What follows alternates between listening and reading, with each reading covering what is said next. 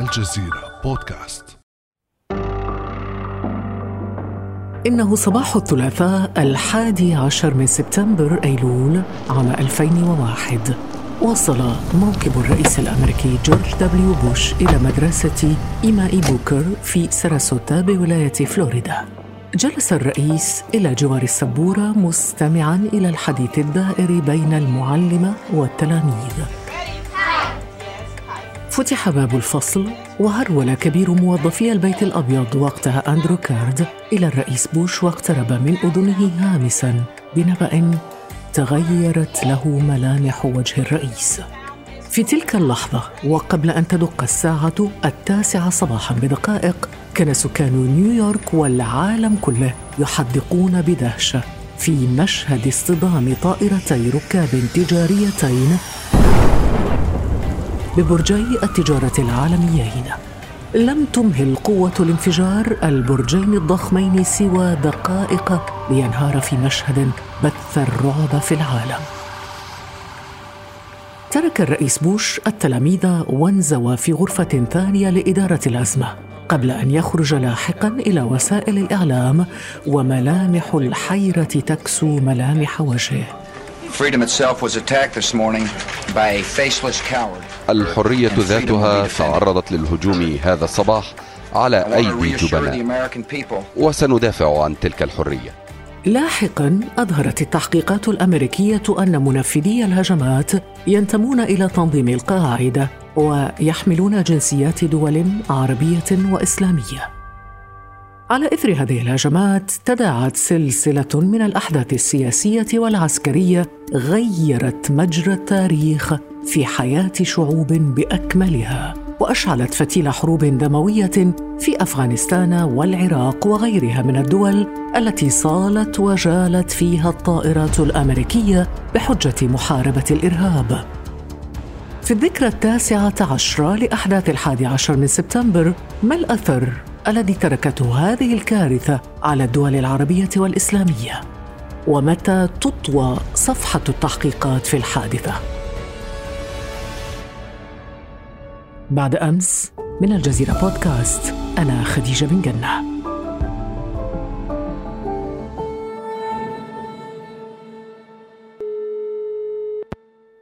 أرحب بضيفي في هذه الحلقة الباحث الأول في مركز الجزيرة للدراسات الدكتور لقاء مكي. دكتور أهلا وسهلا بك مرة أخرى في بعد أمس. مرحبا بك يا أستاذة خديجة. أهلا وسهلا.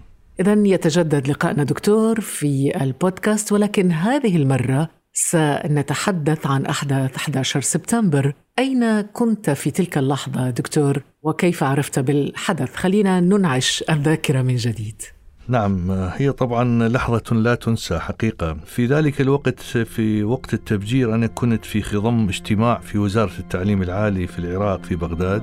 كان وزير التعليم العالي في حينه الدكتور همام عبد الخالق يرأس الاجتماع اجتماع هيئة الرأي في الوزارة. أنا كنت في حينها رئيس قسم الإعلام في جامعة بغداد في كلية الآداب و آه، هو هو يتكلم يعني في أمور الاجتماع. جاءته ورقة من مدير مكتبه وهذا طبعا نادر يعني فقرأها أن تأتيه ورقة خاصة بأخبار.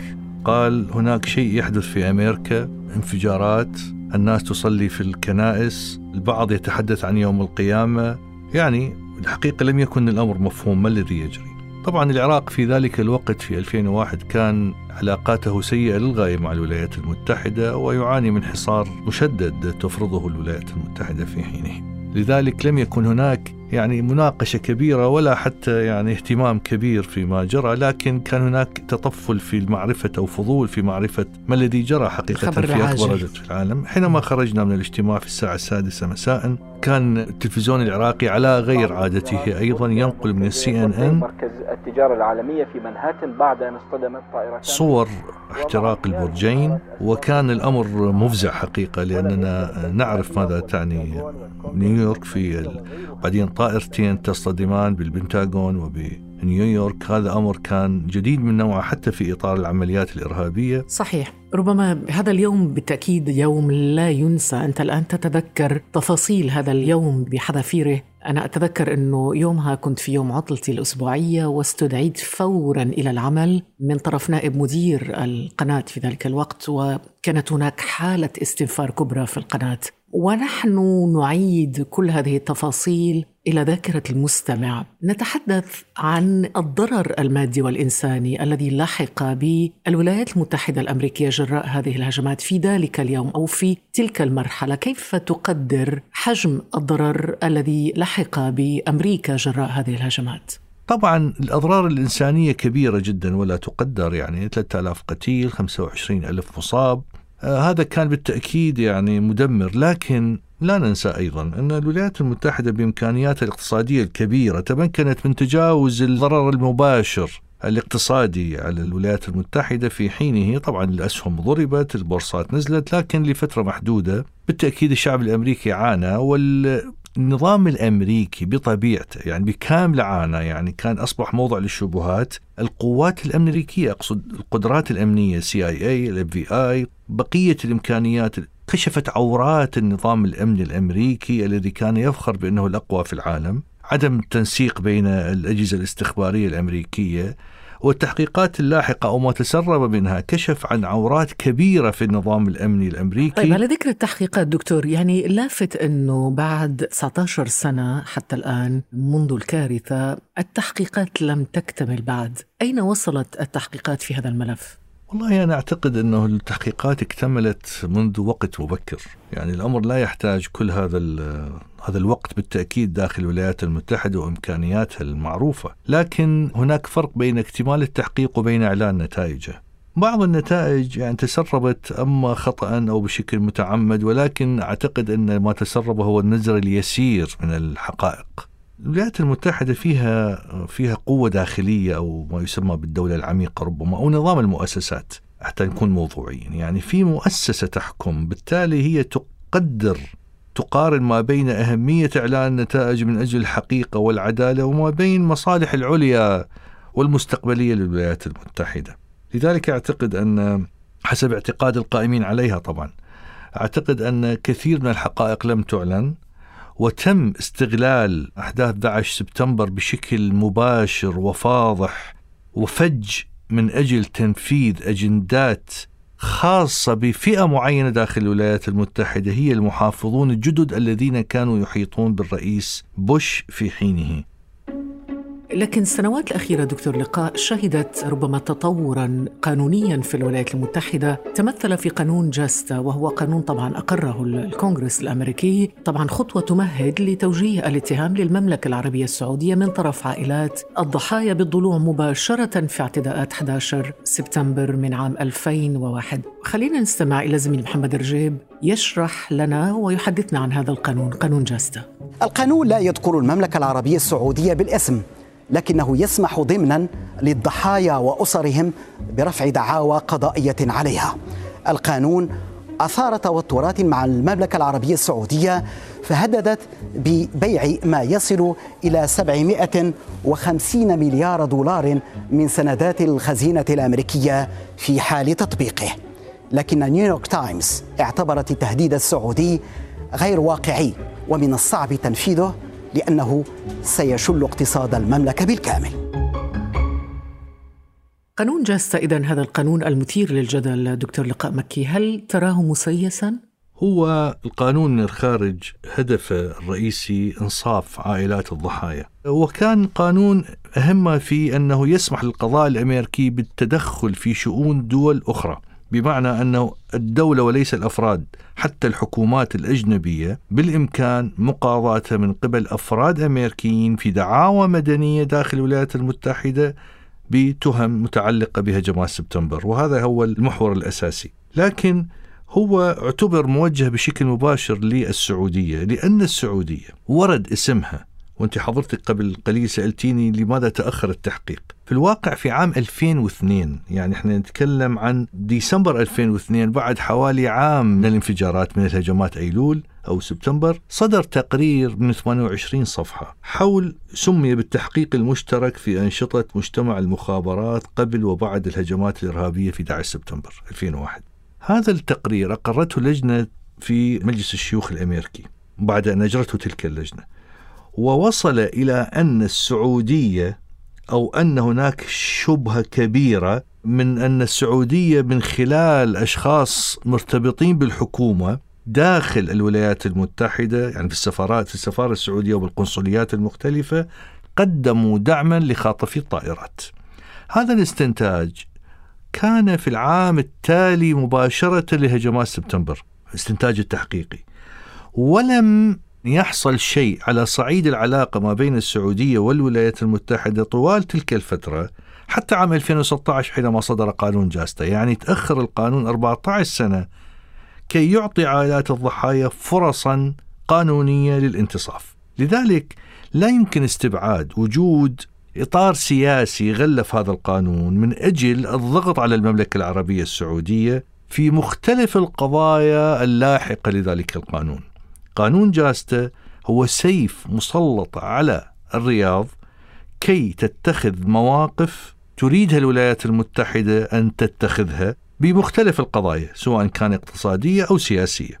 وبالتالي أعتقد أن مجمل السلوك السعودي فيما بعد 2016 ما بعد هذا القانون كان جزء منه عنده على الأقل هو محاولة لتلافي ما يمكن أن يحمل هذا القانون من تأثيرات على المملكة لا سيما فيما يتعلق بالتعويضات لأنه هي مو قضية أموال فقط يعني تعويضات للعائلات لكن القضية معنوية حينما تتهم المملكة والمخابرات السعودية تحديدا بالمشاركة أو بدعم مهاجمين في سبتمبر فذلك سيمس صميم عمل المملكة على الصعيد الدولي وقدرتها على تسيير شؤونها الدولية وعلاقاتها بالدول والثقة بها. نعم ولكن هناك سؤال حقيقي عن دور السعودية بغض النظر عن أوراق الضغط التي تحاول واشنطن ممارستها من خلال قانون جاستا على السعودية. هناك دكتور وثيقة خاصة بالتحقيقات نشرها موقع ياهو نيوز في مايو أيار الماضي عن دور محتمل حسب هذه الوثيقة. دور لدبلوماسي سابق في سفارة السعودية بواشنطن يدعى مساعد بن أحمد الجراح في دوره في مساعدة اثنين من منفذي هجمات سبتمبر بطريقة غير مباشرة. ما الجديد في هذا الأمر برأيك؟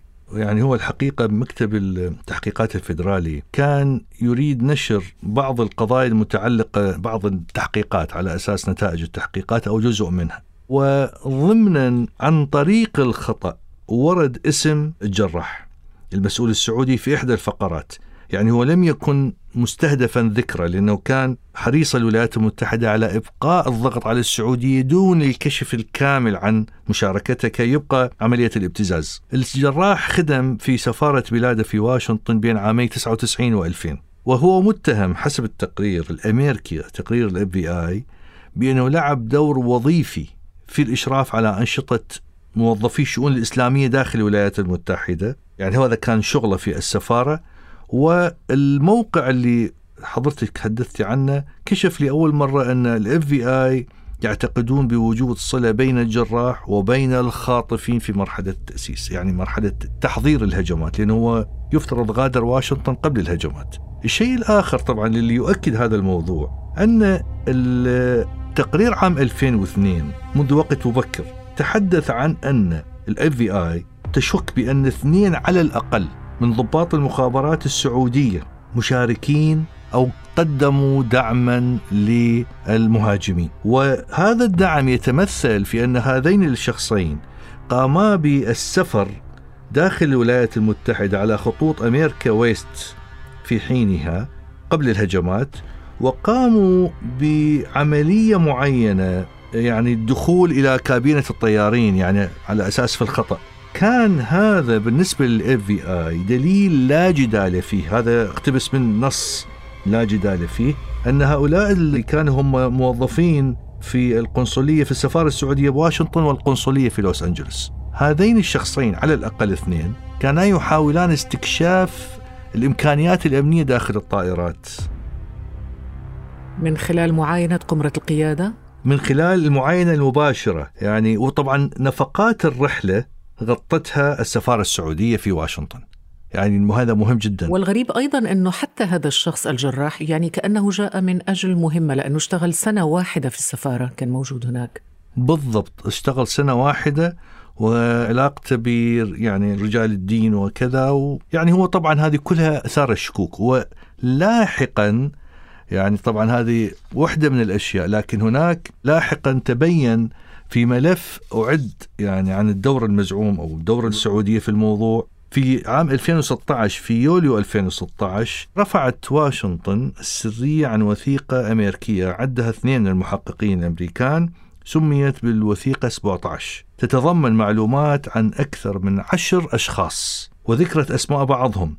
هؤلاء كانوا متهمين بالوساطة ما بين الحكومة السعودية وخاطفي الطائرات. طبعا لا ننسى أن بندر بن عبد العزيز بندر بن سلطان بن عبد العزيز اللي كان السفير السعودي في واشنطن آنذاك وتولى لاحقا مهمة رئيس المخابرات السعودية مباشرة انتقل من واشنطن إلى المخابرات. هذا الشخص كان له صلة مباشرة بالمحافظين الجدد داخل إدارة بوش اللي هو ديك تشيني ورامسفيلد وولفويتس وإلى آخره.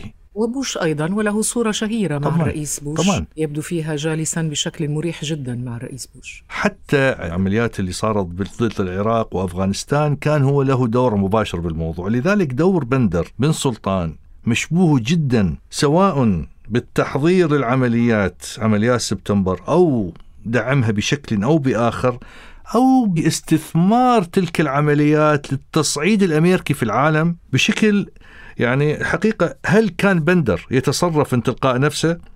أم أنه كان مرتبط بالحكومة السعودية بشكل مباشر وهو سفير المملكة؟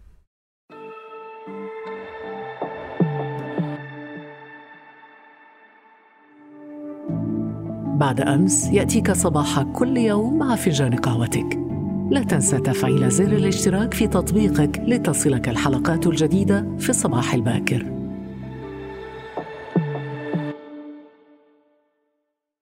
دعنا نذهب إلى الطرف الآخر وهو الإمارات. في ملفات التحقيق دكتور لقاء مكي ورد اسم الإمارات سبعين مرة. تقريبا منها أربعين مرة فقط في شق التحويلات المالية التي مولت الهجمات. كيف تقرأ نعم. هذا الأمر؟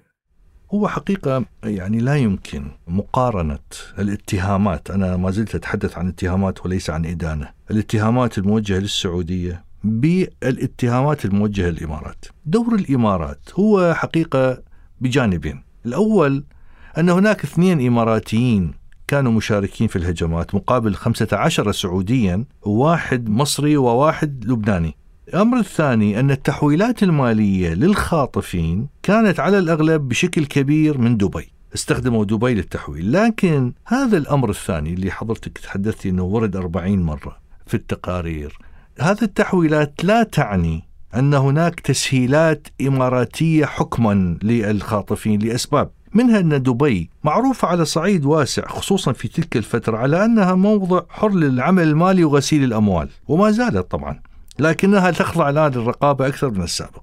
كان هناك فرص دوما في دبي للقيام بأعمال مالية غير مشروعة وكانت الحكومة الإماراتية في ذلك الوقت ربما تغض النظر عن هذا من أجل أن تكون دبي تحديدا دبي مركز مالي مريح لا في ضرائب ولا في رقابة وممكن بغسل الأموال بسهولة من أجل استثمار أو جلب الأموال. ولم يكن قصة الإرهاب آنذاك يعني قبل 11 سبتمبر بهذا الحجم من التأثير على سياسات الدول الاقتصادية وغيرها. بعد سبتمبر حصلت عمليات رقابة وبالمناسبة جزء مهم من علاقات الإمارات مع إسرائيل تمت بعد أحداث سبتمبر لأن الإمارات احتاجت إلى تقنية إسرائيلية في عمليات الرقابة على التحويلات المالية وعلى الاتصالات الهاتفية وعلى مجمل الأمور التجسسية والاستخبارية. فاستعانت بإسرائيل ومن تلك الفترة بدأت العلاقات الاستخبارية بالبداية والسياسية وبعدين الاقتصادية ومشاكل مع إسرائيل وانتهاء بالتطبيع اللي جرى قبل أفهم من كلامك بسيطة. دكتور أنه أحداث 11 سبتمبر قربت الإمارات أكثر من الولايات المتحدة وإسرائيل؟